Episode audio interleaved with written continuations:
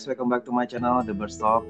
Um, sekarang bersama saya ada teman udah lama banget nih Cang nggak ngobrol banyak. Iya, halo halo, apa kabar? Halo uh, Elisa Yunita atau akrab dipanggil Ica. Iya, apa kabar Niko? Eh aku manggilnya boleh pakai nama asli atau ada nama Boleh. Boleh boleh, saya nggak ada nama panggung. Ya barangkali. Iya iya. Cang, Alhamdulillah baik. Agak ngantuk sih, cuman ya masih bisa bertahan lah. Oke oke oke. Ini ini ini pandemik ini kayaknya makin produktif ya istilahnya ya. Eh, pandemiknya yang makin produktif membuat orang tidak produktif. Oke oke. Nah ini nah, ini ini ini yang saya senengin kalau misalkan ngomong sama uh, uh, Icang ini ada aja gitu loh uh, istilah-istilahnya yang dibolak-balikin kah atau mungkin istilah-istilah baru atau uh, cocokologi atau perumpamaan gitu. Cocokologi itu maksudnya jayus ya? Enggak lah. Saya nggak bilang loh. Nggak apa-apa, kamu nggak bilang tapi saya yang ngaku. Nah kan kayak gini gini nih. Jadi saya teringat eh, dengan satu lagi yang namanya mata Najwa itu kali ya. Oh, gitu. Kayaknya kalau dia dia jadi wawancara justru dia yang balikin gitu. Oh, aku pikir kamu mau bilang kayak cak lontong gitu loh modelnya. Oh itu beda segmen. itu beda segmen. Iya. Iya nih, em Cang, apa eh, kalau tadi ya, ini nih ini thank you banget udah eh, udah bisa hadir dan eh, kita bisa ngobrol bareng di podcast gua dari Mm. The Bird Talk ini. Ya. Em, dari beberapa episode yang kemarin eh, banyak sih sebenarnya yang sudah sharing. Mungkin mungkin lebih mungkin lo juga udah pernah dengar gitu kan? Uh, sharingnya memang lebih ke life, life experience dari mereka gitu kan? Terlepas dari uh, mereka itu siapa kalangan benar uh, mereka adalah menurut aku uh, kalangan uh, sorry orang-orang yang memang sudah uh, prof banget lah pro- uh, profesional banget di bidangnya masing-masing dan sebenarnya untuk menuju uh, tingkat seperti itu menurutku effortnya tuh memang banyak banget sampai kayak beberapa episode kemarin uh, ada yang benar-benar melestarikan kebudayaan Indo, terus kemudian uh, mereka mengatakan ada juga yang bilang bicara soal turning point gitu kan. Mm-mm. Nah kali ini aku uh, sengaja memang ngajak kamu Cang karena menurut aku ini tema juga mm, menarik dan menurut aku cocok banget. Uh, ya mungkin ada sedikit cerita yang nanti bisa di share. Uh, mungkin dari experience juga gitu kan. Uh, pernah mengalami belum tentu juga kan bisa. Uh, maksudku belum tentu pada saat tahap itu tapi bisa jadi lagi tahap berproses seperti itu juga gitu. Nah, Mm. tema kita pada malam hari ini itu adalah uh, pure. Uh, aku mungkin bacain sedikit ya. Jadi aku pernah dengar tuh ada uh, istilah tuh namanya akar kepahitan gitu ya.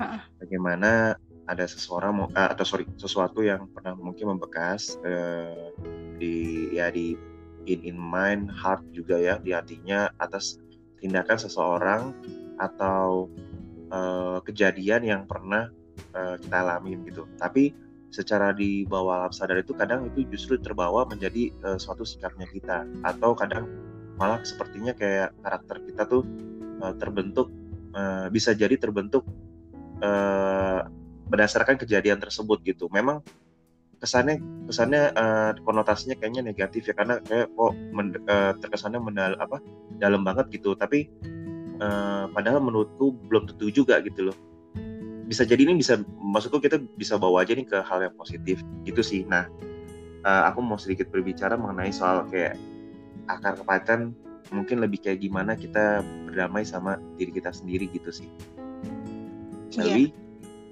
Nah, Boleh. sebelumnya mungkin eh, mungkin bisa cerita dulu siapa sih Elisa Yunita ini Ah, iya iya. Ah, makasih ya sudah diundang buat ngomong di sini. Aku sebenarnya dengar episode sebelum-sebelumnya sedikit ah, wow juga sih karena yang ah, pengisi dari yang episode-episode sebelumnya tuh memang expert gitu ya, ahli gitu, sudah banyak prestasi.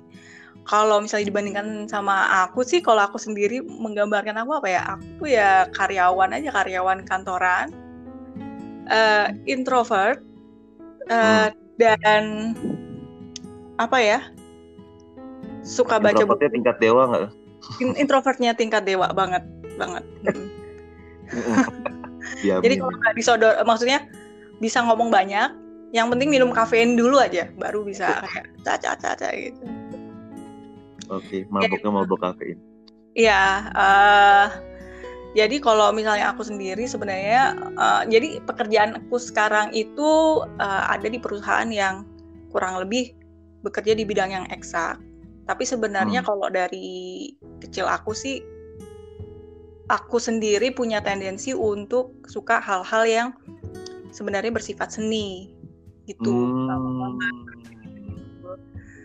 Uh, suka warna, suka membuat uh, kerajinan-kerajinan tangan gitu. Cuman memang saat sudah beranjak uh, dewasa, kuliah gitu, mungkin karena dibesarkan di keluarga yang apa ya namanya eksak ya hmm, mindsetnya akademisi jadi ayah ibuku tuh bukan orang akademik uh, usahawan satunya satunya adalah banker cuman mereka memang apa sih orientasinya akademisi. Jadi dulu kayak pengen ngaku pengen ada maksudnya pengen daftar kuliah yang seni tuh kayak agak aduh ini pasti nggak bakalan disetujui gitu.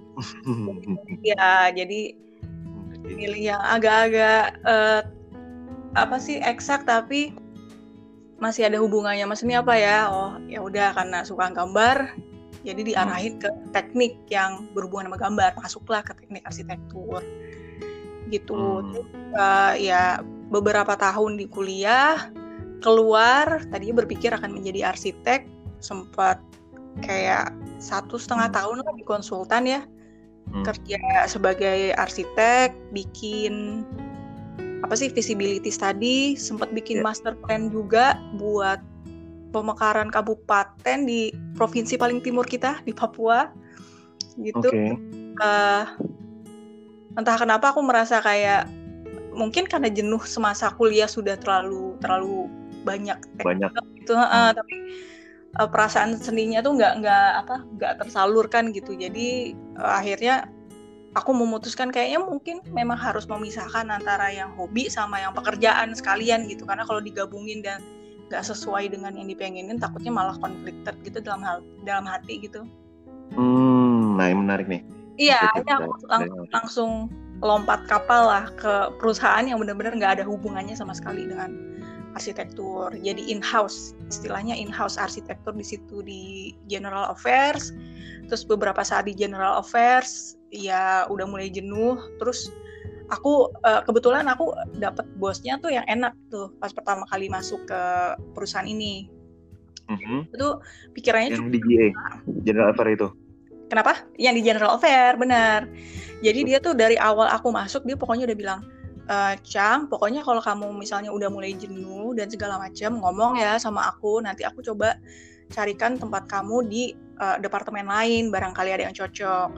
Tapi oh. kalau misalnya kamu tetap di departemen lain gak ada yang suka, aku akan cari di divisi lain. Kalau divisi lain gak ada, aku coba cari di grup. Kan kita dulu satu grup ya, satu grup ada banyak hmm. perusahaan. Mm -hmm. uh, yang lain gitu. Nah, kalau misalnya memang ternyata di grup yang yang lain juga kamu nggak ada yang suka ya udah baru nanti kita bicarain kalau kamu mau uh, pindah ke perusahaan di luar grup gitu dia cukup terbuka jadi one day uh, aku tinggal dateng ketok-ketok dia lagi ngerjakan sesuatu gitu pak. Terus dia langsung notice gitu ada oh iya kenapa? Pak ada apa nih? mau pindah. Iya langsung sambil ngelong gitu aku cuma bilang pak saya mau pindah departemen. Hah? Gitu. Terus dia mungkin memang ingat uh, ingat dia pernah cerita ke aku atau memang dia memang beliefnya seperti itu. Maksudnya belief yang dia tanamkan ke timnya karena anaknya seperti itu dia langsung balasnya begini hmm, oke okay, uh, eh, kasih saya waktu 2 sampai tiga hari ya so, saya coba carikan departemen lain yang lagi butuh orang hmm. nah karena eh, dua tiga hari menunggu gitu terus dia bilang hmm. ada dua opening satu di HRD satu di marketing kamu tertarik oh. mana gitu uh, saya coba uh, cari tahu dulu boleh nggak pak tentang posisinya oh boleh boleh gitu jadi aku cari tahu kayak ngobrol-ngobrol sama head dari dari posisi yang mau aku gantikan mm-hmm. dan kayaknya memang uh, arahan dari si HRD kan didampingi oleh HRD juga kan yang uh, bagian apa sih organisasi gitu. Uh, dia oh. memutuskan kayaknya lebih lebih lebih condong ke yang marketing. Akhirnya pindah kapal lagi ke marketing dan mulai belajar banyak di situ sih tentang bagaimana menghandle uh, dulu sih karena aku di perusahaan finance gimana cara menghandle dealer, gimana cara hmm ke customer. Jadi pas pertama tuh masuk ke yang bagian menghandle ke customer. Habis itu hmm. pindah ke bagian yang menghandle dealer. Habis itu pindah ke bagian yang ke belakang yang ngedesain. Jadi yang bikin konsep untuk membuka cabang di mana, terus bikin konsep mau buka bisnis baru apa gitu gitu. Nah, terus Tapi ya, konteksnya masih marketing. Masih marketing, masih under satu divisi. Jadi Hmm. di divisi itu tiga dulu uh, satu divisi itu memang ada tiga, satu yang mengurus tentang customer CRM customer relation, terus yang mengurus tentang dealer relation, terus ada juga yang mendesain gitu. Jadi uh, planning and development. Tiga-tiganya itu aku udah pernah tempatin tuh tuk gitu. udah habis itu hmm. uh, apa ya sempet ya mungkin hmm uh, jenuh dan pengen nyoba bisnis uh, akhirnya janjian sama teman gitu pengen nyoba bisnis keluar. Dan uh, dia udah keluar duluan dari company-nya dia nungguin aku dan aku tuh kayak iya uh, mau mau out out kapan? Gitu. Terus aku kayak nggak out out gitu kan. Terus kayak okay. sampai kayak udah hampir satu tahun dia nungguin Waduh. gitu. Jadi pada jadi uh, timingnya mungkin nggak nggak tepat ya. Pada saat aku keluar justru dia dapat tawaran gitu jadi oh. menahan uh, si temanku ini untuk menolak tawaran ini cuma karena uh, aku baru bisa uh, keluar dan bangun kapal yang sebenarnya kita nggak tahu ini akan sukses atau enggak padahal dia punya uh, apa kesempatan di perusahaan tiga perusahaan yang nawarin dia jadi ya udah deh oh. nah untungnya pas aku keluar uh, ditelepon lagi sama uh, mantan bos aku yang udah pindah ke grup yang lain gitu hmm. ditawarin. Terus akhirnya aku masuk uh, dulu sih bagian apa? Aku ya pers pertama kayaknya policy ya. Bagian policy terus habis itu dipindah ke oh bukan di marketing ya? Di marketing. Uh, dulu operation ya? Apa marketing ya? Ya pokoknya dulu policy hmm. tapi cuma sebentar habis di policy uh, under marketing habis itu pindah ke uh, untuk visibility e-commerce ya habis visibility e-commerce pindah ke retail bisnis karena hmm. kita bilang kayaknya ini belum siap untuk e-commerce. Hmm. Nah udah habis dari situ ditawarin balik lagi ke perusahaan yang lama oleh uh, eh, HRD-nya gitu, ditanya gitu. Karena kebetulan kan waktu itu direktur di perusahaannya juga balik lagi perusahaan lama dia nanya tertarik nggak kalau misalnya uh, gabung ke satu departemen baru gitu yang yang memang lagi mengembangkan uh, uh, apa sih bisnis baru channel bisnis baru. Karena aku mau aku coba gitu. Ya udah pindah lagi sampai sekarang masih di perusahaan ini gitu. Gitu sih. Membosankan juga ya asal usul karya ya cuma lompat-lompat dari satu departemen satu perusahaan gitu-gitu. Iya tapi uh, gini kemarin aku sempat ngobrol juga sih memang uh, sama adalah salah satu inilah ya sesepuh dibilangnya gitu. Kadang hmm. memang uh, memang kita dituntut untuk fokus gitu ke sesuatu gitu. Tapi kadang yang uh, mungkin scatter ya kita bisa bicara bicaranya gitu. Hmm. itu juga ada scatter juga yang kita ngerjain apa banyak tapi bisa jadi sukses gitu sih. Hmm, hmm, hmm, gitu. Nah dari proses atau tadi yang lu mencok sana mencok sini juga gitu kan. Terus uh, lu juga udah berganti departemen lu juga dari, dari awalnya hmm, kuliah juga tadi ngambilnya uh, teknik arsitek gitu kan. Iya betul Nah, kalau boleh tahu tuh ada nggak sih sampai kayak hmm, sampai kayak momen tuh lo ngerasa uh, eh, gue bukannya bilangnya kayak kayak apa namanya masa terburuk ya. Justru gue uh, pengen tanyanya ada nggak masa ketika lo justru bener-bener enjoy banget sampai akhirnya justru lo lupa hmm, ya rasa bersyukur gitu Uh, ada sih. Sa apalagi kalau lagi capek-capeknya ya, lagi stres ya. Kayaknya uh, di luar kontrol kita tuh yang tertumpuk di hati tuh malah kemarahan, kayak nah, nah, ini. kita tuh pekerjaannya tuh paling banyak sendiri yang lain pengangguran padahal kan enggak ya semua orang yeah, iya. pekerjaan yeah. dan punya ada apa deritanya masing-masing ya ada sih saat-saat seperti itu cuman entah kenapa ya per 2009 2009 ya benar itu aku hmm. melakukan satu hal drastis dalam hidup aku yang membuat aku lebih mudah untuk mengontrol rasa negatif gitu kemarahan gitu gitunya sih setelah mengetahui hmm, rasa bersyukurnya gitu atau apa yang apa yang membuat kamu juga akhirnya uh, tadi berpikiran hmm. ya ini, ini ya tadi perubahan yang cukup drastis gitu dalam hidupnya Ica. Iya. Uh, ada satu titik di mana aku udah mulai merasa, udah mulai sensing ke teman-teman bahwa uh, karakter aku, pembawaan aku tuh tidak tidak disukai gitu. Uh, dan ini bukan baper, ini terbukti karena dulu di kantor lama itu dulu belum ada kata-kata baper kali ya.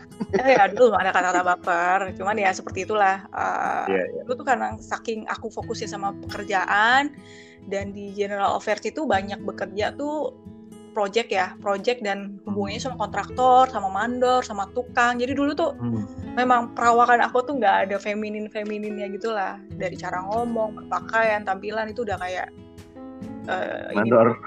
Iya, udah kayak mandor banget dan memang terbiasa keras lah di lapangan. Jadi pas balik lagi ke kantor pusat, jarang ada di kantor pusat. Sekalinya ada di kantor pusat, ada yang mau konsult masalah apa, aku langsung ketus gitu responsnya dan mungkin uh, memang pembawaannya kurang kurang apa ya kurang ramah gitu jadi sampai pada satu titik tuh aku lagi ada di mejaku di telepon yang menelpon ini departemen head HRD wahai para pendengar departemen oh, head okay, okay. HRD menelpon anda terus okay. memberi feedback langsung tidak ada angin, tidak ada hujan, tidak ada panggilan. Pokoknya memberitahu bahwa e, cara ngomong harus ini, harus itu dalam hati aku.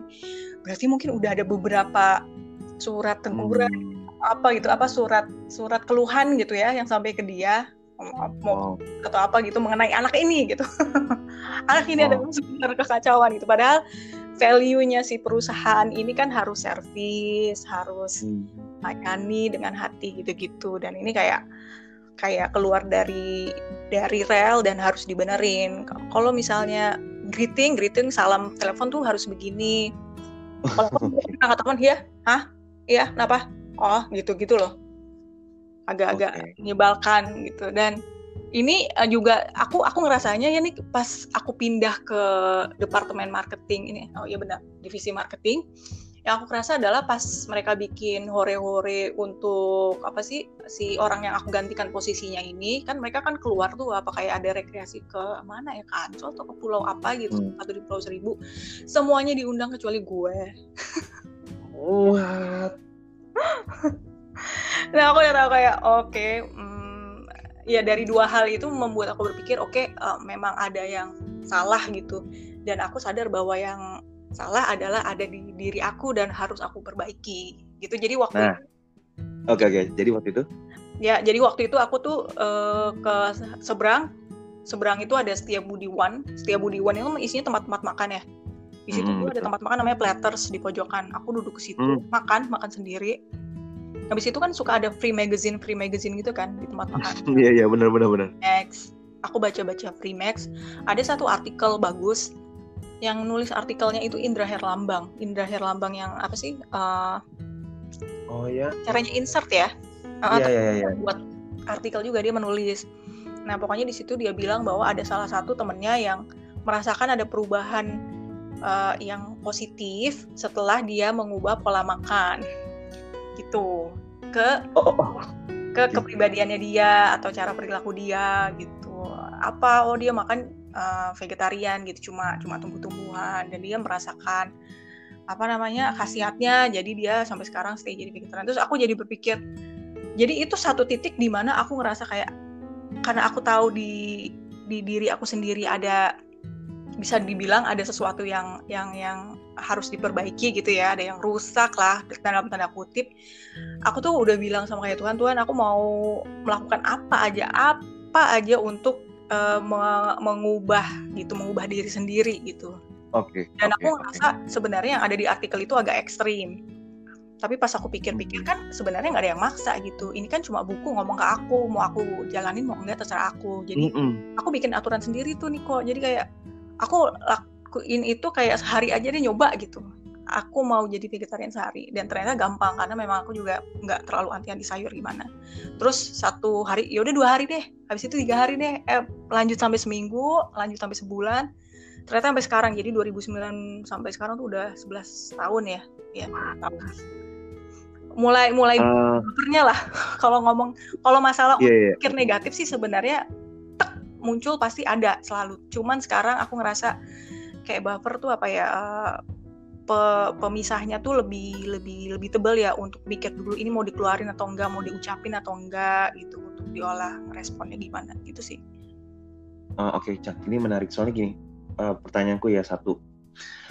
Uh, pada saat kamu mutusin maksudnya gini uh, ketika sebelum telepon dari HR apa departemen HR itu juga uh, nyampe ke kamu gitu kan. Mm-hmm. artinya kan tadi tadi kamu bilang uh, pekerjaan kamu uh, seolah kayak uh, akhirnya membawa apa ya karakter kamu tuh jadi sebenarnya gini keras kar iya karakter kamu sendiri itu keras apa enggak menurut kamu?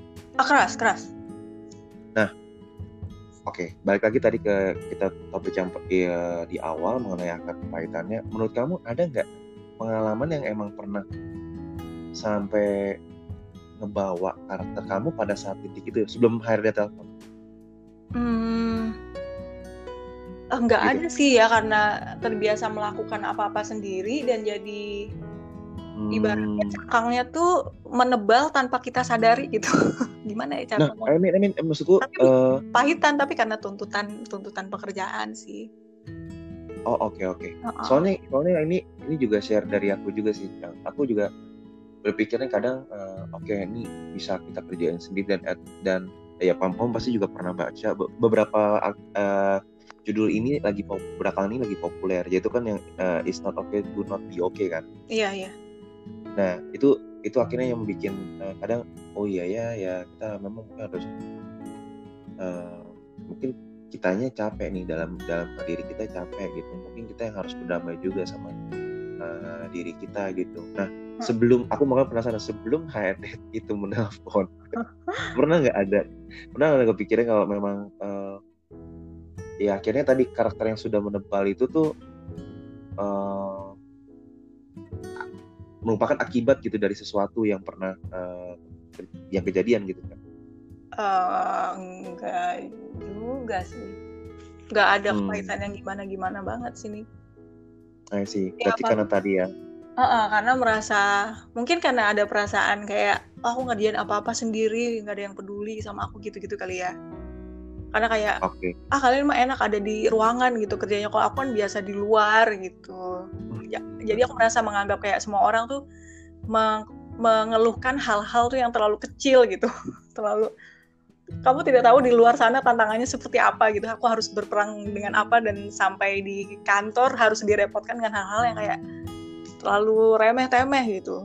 Kadang-kadang ada kesel di situ aja sih. Cuman itu ya tidak pahit sih saya sih mm -mm.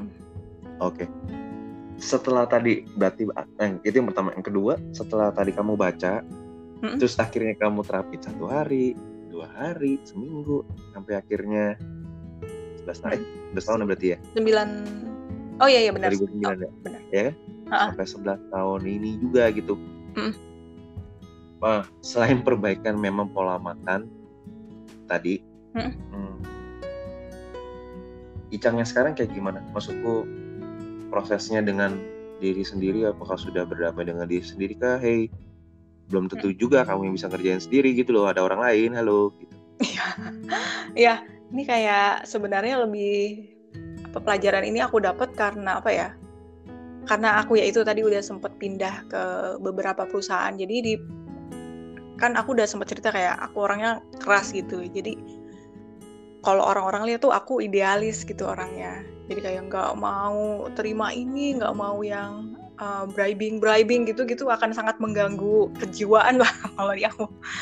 Jadi kalau tahu kan kalau di konsultan itu godanya sangat besar ya untuk memenangkan tender melakukan apa saja gitu kan. Supaya menang okay. gitu. Dan itu tuh agak agak berlawanan dengan isi hati ya. Jadi pernah tuh satu hari tuh aku ikut rapat, ya hmm. habis ikut rapat sama klien, aku nggak tahu apakah itu normal atau enggak, tapi dibagiin amplop gitu satu-satu, terus pas aku buka, hmm. uh, itu ya lumayan ratusan ribu gitu, terus aku bingung ini kenapa ngapain dibagiin kayak gini, gitu, terus aku kasih ke bos aku kan, apa ini nggak tahu saya dapat kayak gini nih dari ini, oh nggak usah itu buat kamu emang kayak gitu, hah? gimana? Aku langsung pusing-pusing gitu deh. Ya jadi aku nggak terus ada politik kantor gitu-gitu aku kayak aku nggak cocok nih sama perusahaan ini nih banyak terlalu politik kantornya mm -hmm. kayak gini-gini mm. aku nggak tahan pindah nah di perusahaan yang kedua ini aku juga ternyata mengalami hal itu juga mulai nggak nyaman karena kayak kok kenapa orang mm. sikut-sikutan kayak gini sih cuma untuk hal yang harusnya nggak mm. terlalu terlalu penting untuk dipikirin orang sikut-sikutan lah kayak lomba-lomba menuju ke atas dengan segala cara dengan cara-cara yang aneh. Aku bilang ah, aku nggak bisa gitu. Terus akhirnya aku mau usaha gitu kan. Ingat kan tadi aku bilang aku mau usaha yeah, gitu. yeah, supaya kayak aku bisa ngontrol iklimnya ekosistemnya kayak gimana tuh aku bisa oh kalau aku nggak mau melakukan ini ya nggak apa-apa kan. Aku kan uh, yang punya usahanya. Tapi ternyata ya karena uh, waktu itu nggak jadi terus pindah hmm. perusahaan lain ternyata ya sama aja gitu. Itu adalah dinamika hidup. Jadi politik itu sebenarnya kalau dipikir-pikir hmm kayaknya ini dulu zaman sekolah juga ada seperti ini. Selalu ada tipikal manusia yang seperti itu gitu loh. Jadi Dan berarti sekarang lu udah menerima dengan keadaan-keadaan politik, benar, benar. drama. Benar. Ini adalah masa di mana aku menganggap kalau misalnya aku tahu tentang politik kantor segala macam, ini agak-agak ada gunanya kalau kamu berlari dari satu tempat ke tempat lainnya karena kamu akan menemukan hal yang sama, pasti. Gitu. Jadi ini udah tinggal gimana diri kamu merespon PR-nya udah cuma itu aja. Karena yang di luar eksternal ini kamu gak bisa kontrol dan itu akan terjadi berulang-ulang. Gitu. Nah soal tadi yang kontrol itu juga menarik nih. Jadi kontrolnya itu lebih ke internal tapi impactnya harus ke eksternal. Jangan sampai kontrolnya eksternal ngaruhnya impactnya ke internal bener nggak? Benar benar hmm.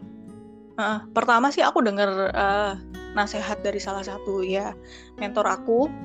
Uh, dia cerita gini pekerjaan itu uh, jangan kerjakan dengan hati tapi jangan dibawa pulang dengan tanda kutip gitu. Jadi jangan jangan terlalu apa ya uh, belongingnya tuh jangan terlalu erat gitu.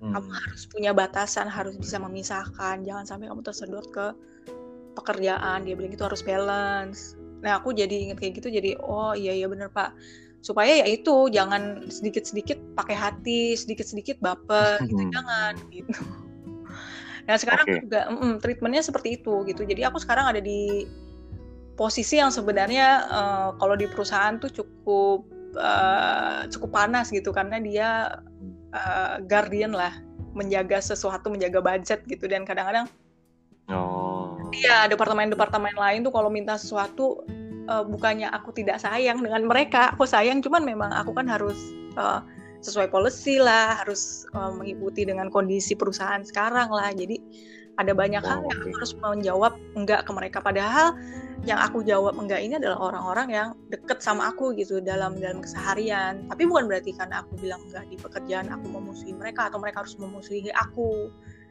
gitu. Jadi yeah, yeah. kalau misalnya tiba-tiba mereka menjauh dari aku beberapa hari aku bisa mengerti gitu kondisinya. Oh oke okay, karena waktu kemarin aku bilang enggak gitu. Tapi ya aku ada effort untuk menyambungkan lagi jembatannya gitu. Say hi lah bawain apalah ingat-ingat ulang tahunnya dia lah atau apa gitu.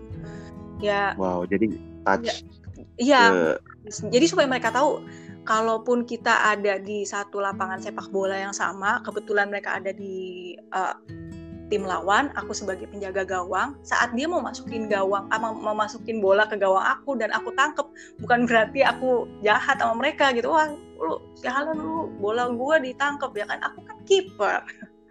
No offense, tapi hmm. habis di luar arena kita bisa hahi bareng lagi gitu. Oh, ya itu profesional sih, mm -hmm. ya kan? Benar.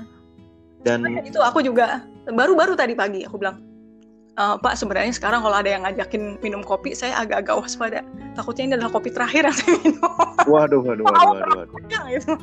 enggak lah enggak lah ya aku takutnya kayak orang-orang lagi uh, pada sensi lah uh, Kalau aku yang dulu nih yang sebelum sebelum ditegur telepon sama HRD nggak akan mungkin punya effort atau nggak bakal mungkin peduli atau pasti selalu cuek untuk bangun jembatan lagi gitu. Tuh uh, nambah. Jadi kalau di di aku nggak tahu dulu aku pernah dapat training kita tuh untuk membangun hubungan dengan seseorang baik di personal ataupun di kerja tuh harus ada yang namanya EBA. EBA itu adalah emotional bank account jadi emotional bank account itu adalah kayak saldo gitu. Jadi kalau kita berbuat baik sama orang, itu saldo di ininya banknya nambah. Jadi sedikit kita berbuat jahat, maksudnya bukan berbuat jahat ya, berbuat suatu hal yang membuat mereka merasa negatif ke kita, itu akan mengurangi saldo gitu. Jadi itu harus balance. Saat kita melakukan suatu hal yang membuat mereka kecewa, kita harus tumpuk dengan hal-hal lainnya yang bisa membuat yeah. lagi gitu saldonya. Jadi ebanya tapi kalau ke dalam diri sendiri cang maksud gue ini ada berhubungan juga kan dengan anger management lo kan? Maksudnya tadi hmm. gimana lo lo juga punya bank account itu buat uh, diri lo sendiri juga atau benar. Oh iya iya iya iya. Ada ada. Ada sekarang sih sebenarnya aku juga lagi merasa kekeringan untuk mau mencari pertolongan kalau lagi kesal uh, jadi kemarin-kemarin tuh aku baru nyoba ikut apa sih kayak uh, sesi wellness. Jadi wellness itu adalah kesehatan pikiran tapi lebih holistik itu nih. Jadi bagaimana mengatur cara bernafas, bagaimana untuk hmm. ya, menghargai arti hidup dari pengalaman hidup orang lain gitu-gitu. Aku baru mulai kemarin sesi sih satu sesi kemarin dan orangnya cukup enak diajak ngomong gitu. Cukup inspiratif. Oke, ini ini ini ini ini gimana? Maksud medianya medianya apa? Oh, uh, biasanya sih dia buka sesi kelas, cuman karena kita kondisinya pandemi, jadi kemarin sesinya lewat Zoom, gitu. Oh. Ya kayak terapi gitu aja, ngobrol. Open class gitu ya, jadi di Zoom gitu, by Zoom. Kayak. Uh, tadinya uh, open class, cuman karena memang jadwalnya di kelas yang aku pilih tuh lagi nggak ada orang lagi yang lain, jadi kamu boleh uh, dibikin jadi sesi one to one, one on one ya. One, one on one, one on one, okay. one on one. Terus mau bisa kapan one on one? Karena aku punya waktu waktu itu Sabtu. Ya udah aku jalanin aja. Sekarang aja mbak. Eh besok pagi aja mbak gitu. Oh ya udah. Akhirnya aku one on one session jadi kayak punya terapi sendiri terapi sendiri gitu. Oh oke. Okay. nah ini ini ini ya ini juga salah satu cara ya. Artinya ya mungkin dirilis dalam dalam caranya berbeda-beda gitu loh ya. Mm -mm. Jadi kita di stress release itu emang perlu sih. Mm -mm. Iya okay. dia dia bilang kayak uh, ada sesuatu yang membuat kesal sampai sekarang ada sih uh, ya kadang-kadang kalau di pekerjaan kan uh, kita tuh suka merasa uh, bahasa Indonesia aku nggak tahu apa tuh bahasa Inggrisnya kayak deserving gitu kayak merasa berhak berhak tuh kayak karena aku udah kerja 28 hmm. jam sehari gitu jadi aku harusnya hmm. itu dan kalau nggak tercapai marah kesel gitu dia kemarin ngajarin kayak rasa-rasa rasa yang seperti itu, rasa dendam, kesal segala macam itu menimbulkan ada ikatan gitu, kayak ada simpul tali di dalam hati yang warnanya merah gitu. Dia bikin gambarnya gitu, ilustrasinya seperti itu. Nah, ini kalau nggak iya. dilepasin yeah. itu akan jadi jadi masalah buat buat fisik, jadi sakit inilah, sakit itu yang benar-benar uh, ya itu itu itu. Iya. Bilang ini harus dilepasin. Jadi intinya adalah jangan merasa berhak gitu jangan merasa bahwa kamu itu memiliki apa uh, apa sih memiliki hak untuk meminta macam-macam menuntut gitu jangan menuntut ikhlaskan aja pamrikan kalau misalnya kamu bekerja ya anggap aja bahwa kamu ingat awalnya ini bekerja untuk apa gitu. Misalnya ada yang buat keluarga ingat bahwa ini misalnya buat anak istri gitu di rumah ingat buat anak istri. Atau kalau misalnya kamu buat uh, membangun apa sih skill gitu membangun kemampuan gitu ingat seperti itunya. Atau kamu suka membantu orang gitu nanti orangnya jadi senang. Saat orangnya senang lihat si orang yang kita bantu senang itu kayak jadi hadiah tersendiri buat kita. Itu juga bisa gitu. Tapi jangan jangan yeah, jangan yeah. menuntut gitu. Hindari hindari menuntut. Jadi cobalah ikhlaskan gitu. I see. Wow Cang uh, ini gue tahu gue juga bukan psikolog. Lu juga bukan. Ini teknik dulu dari teknik asik baik. Tapi ya. atas ya tadi gue bilang uh, thank you banget buat message-nya. Uh, mungkin uh, waktu juga kali cari tapi uh, oke okay, gue minta mungkin closing dari lu aja nih Oke Cang, nanti kita bisa ngobrol uh, lebih panjang lagi atau mungkin part 2 dan part 3 Cang. Iya iya iya. iya. Doain aja mudah-mudahan ada yang dengar kemudian psikolog kalian tertarik terus kita bisa ngobrol bertiga itu gue bersyukur banget sih. Karena gue juga perlu, maksud maksud gue siapa tahu uh, ya tadi teman-teman di luar uh, sana membutuhkan itu juga. Nah, uh, oke okay. sebagai closing mungkin uh, bisa share nggak Cang tadi uh, dari yang buku sudah pernah kamu baca pengalaman yang sudah kamu alami kemudian terakhir kamu juga ada mengikuti yang semacam wellness kayak gitu. Hmm. mungkin bisa share gimana sih cara ngeyakinin diri gitu? Kalau diri kita tuh nggak lemah. Kalau diri kita tuh uh, tidak sekasar yang kita duga. Uh, yang pertama itu uh, cara memperbaiki masalah. Yang pertama adalah mengakui bahwa ada masalah jadi hmm, jangan okay. menyangkal oh, jangan menyangkal saat kamu marah saat kamu sedih ya udah nikmati aja karena kan kita manusia boleh dong marah atau sedih cuman hmm. kalau misalnya memang berniat untuk memperbaiki mood kalau butuh time off ya time off aja terus habis itu baru lakukan hal yang membuat senang dan kembali berpikir itu uh, lakukan sesuatu dengan ikhlas lah okay. uh, dan sebenarnya tau gak sih uh, gue tuh kalau misalnya lagi karena gue suka mendengarkan musik juga hargai hmm. hargai effort yang sudah dikerjakan oleh diri sendiri sekecil apa pun. Jadi kalau misalnya ada yang nggak work coba nyanyikan lagu Coldplay yang Fix You.